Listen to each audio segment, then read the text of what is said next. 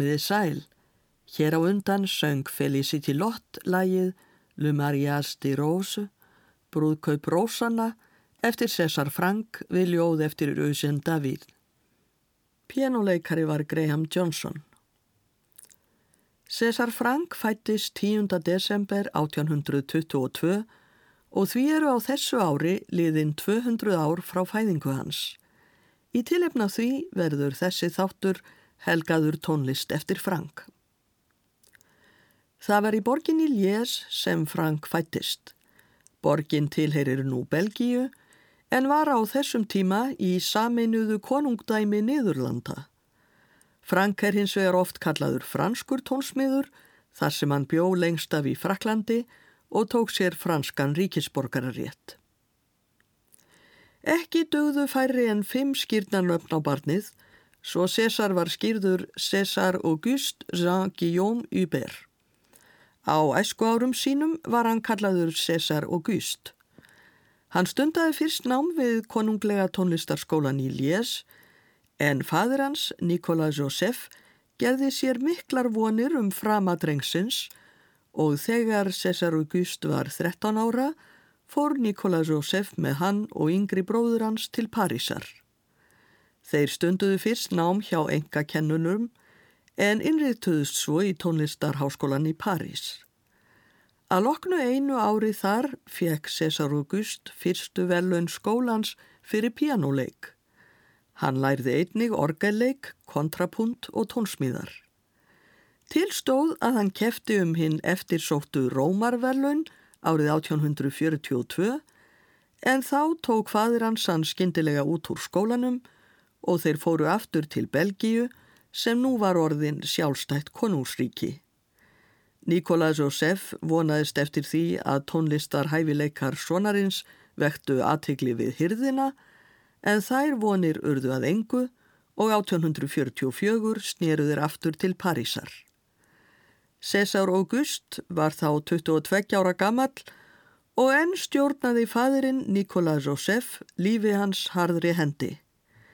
Hann helt fast við þann draum að gera César August að frægum pianosnillingi og auglýsti tónleika sonarins með svo miklu skrumi að það vakti gremju hjá gaggrínendum. Aug þess þurfti César August að vinna við pianokenslu baki brotnu til þess að standa ströym af útgjöldum föður síns. Það fór þó svo að lokum að César August gerði uppreist og þar kom Ástinn til skjálana. Hann varð ástfanginn af ungri leikaradóttur, Felicité de Mousseau, sem var einn af tónlistanemendum hans. Ekki spilti að foreldrar hennar tók honum opnum örmum og á heimilið þeirra naut hann frjálsræðis sem hann skorti heima hjá sér. Nikola Josef var þinn versti þegar hann fann árið 1846 í nótum sonar síns tónsmið tilengaða ungfrú Felicité de Mousseau og hann reif nóturnar í tætlur fyrir framann svonsinn. César August fór þá á heimili unnustu sinnar, skrifaði verkið upp eftir minni og tilengaði Felicité það aftur. Og nokkru síðar gekk hann enn lengra. Daginn þegar foreldrar hans voru í gönguferð, lappaði hann út og fluttist heim til Felicité.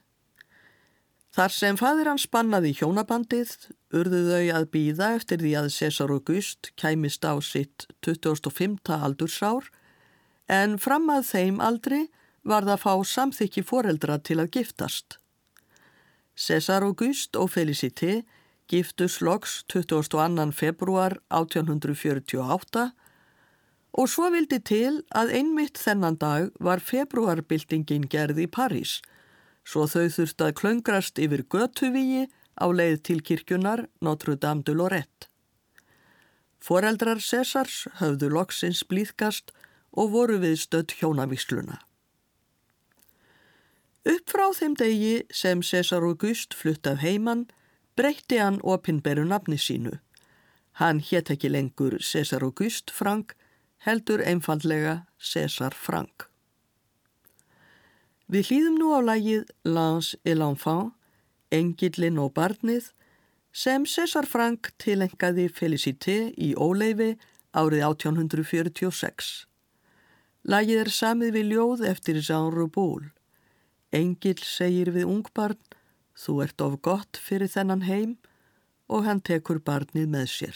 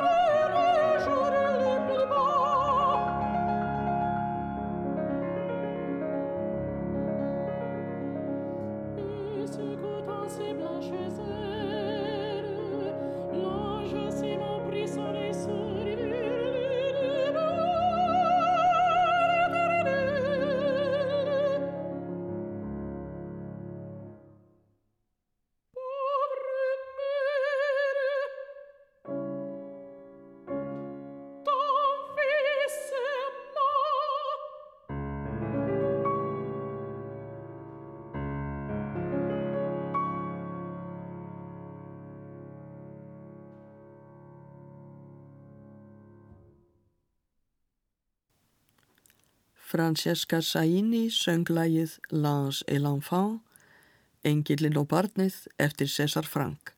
Mattia Ometto lék á piano. Ástæðan fyrir því að César og Felicité giftust í Notre Dame de Lorette kirkjunni í nýjunda hverfi Parísar var svo að César hafði fengið þar stöðu sem aðstóðar organisti. Draumar föður hans um frægan pianosnilling í glæstum tónleikasölum höfðu í rauninni aldrei átt við hann.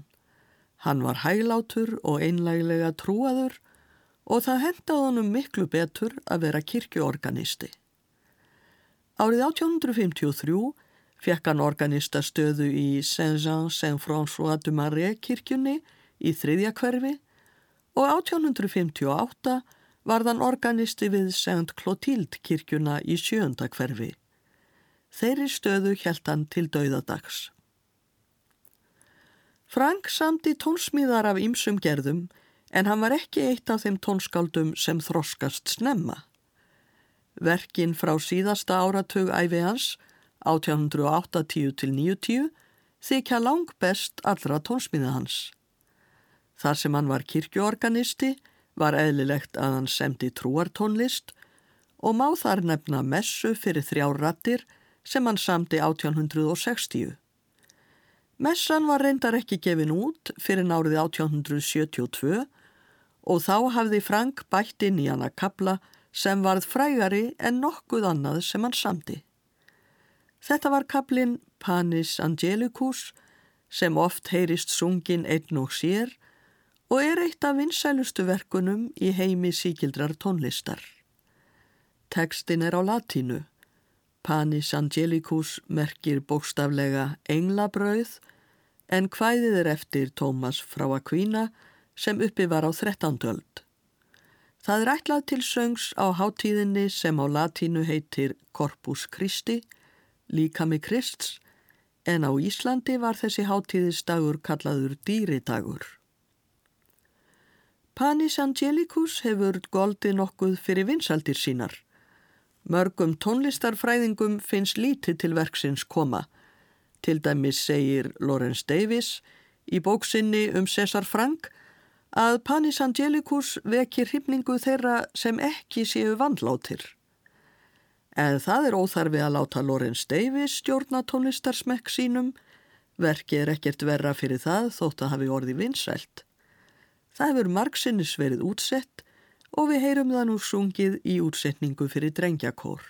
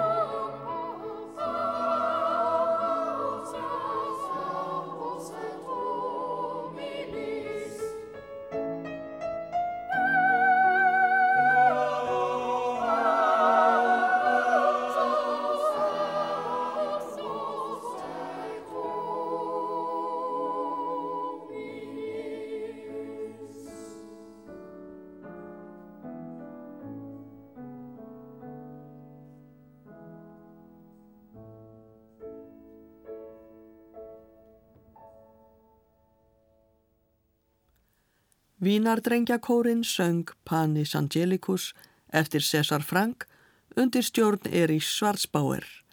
Hljóritunnin var gerð á jólatónleikum í Lúsern árið 1991. Nafns einsöngvarans er ekki getið og pianoleikarin ekki nefndur heldur. Árið 1872, sama ár og messan með þessum kabla kom út, varð Frank kennari við tónlistarháskólan í París. Hann hafði mikil áhrif á nefnendur sína og þeirra á meðal voru tónskáldin Ernest Chausson og Vincent Dendy. Samkvæmt frásögn hinn síðan nefnda kolluðu nefndurnir kennara sinn Per Frank eða Föður Frank og var það uppáttæki þeirra sjálfra. Frank rætti við nefnendur sína eins og vini. Hann átti til að spyrja þá álits á einhverju sem hann var að semja og vakti það nexlun sumra. Eins og áður sagði var það á nýjunda áratug 19. aldar sem tónsmíðahæfileikar Franks blómstruðuð að fullu en hann var þá um sextugt. Fylusónota hans í Adur þykir eitt besta verk sinnar tegundar. Hún er frá árinu 1886, samin fyrir landa Franks, belgíska fyluleikaran Eugenie Say. Nadia Salerno Sonnenberg leikur nú á fylu og Cecil Licard á piano, fyrsta kabla Allegretto ben moderato úr fyðlusónutu í Adur eftir César Frank.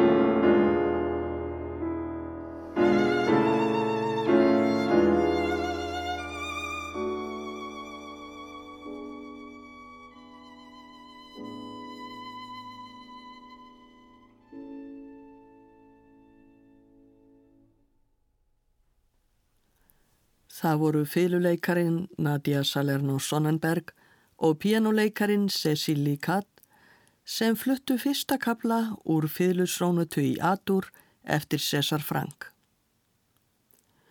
Fyrir utan glatað æskuverk samti Frank aðeins eina symfoníu en það er symfónia í D-moll samin 1886 til 88 og tilenguð nefnanda Franks tónskáldinu Henri Dupar. Hún var ekki frumflutt fyrir en eftir dauða Franks 1890 og var þá fremur fálega tekið, til dæmis voru sumir nextlæðir á áhrifum frá Wagner sem heyra mátti í verkinu. Nú kunna menn betur að meta symfoníuna og hér kemur annar kapli hennar, Allegretto, þar sem ennst horn setur mikinn svip á tónlistina. Að sögn Vincent Dandy vakti notkun ennska hortsins líka nexlun sumra íhaldsamra tónlistamanna. Það er symfoníu hljómsveit BBC sem leikur.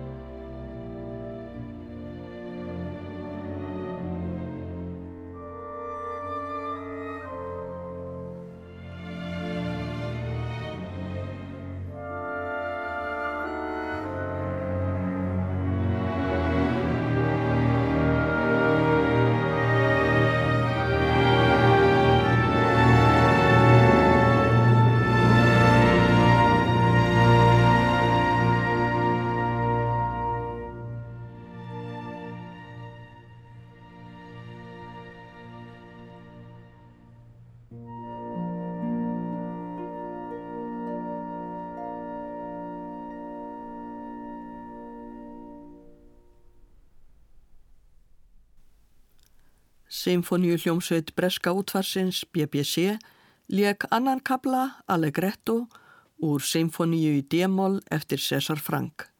Stjórnandi var Fabien Gabel en þess er ekki getið hver leik á ennst horn.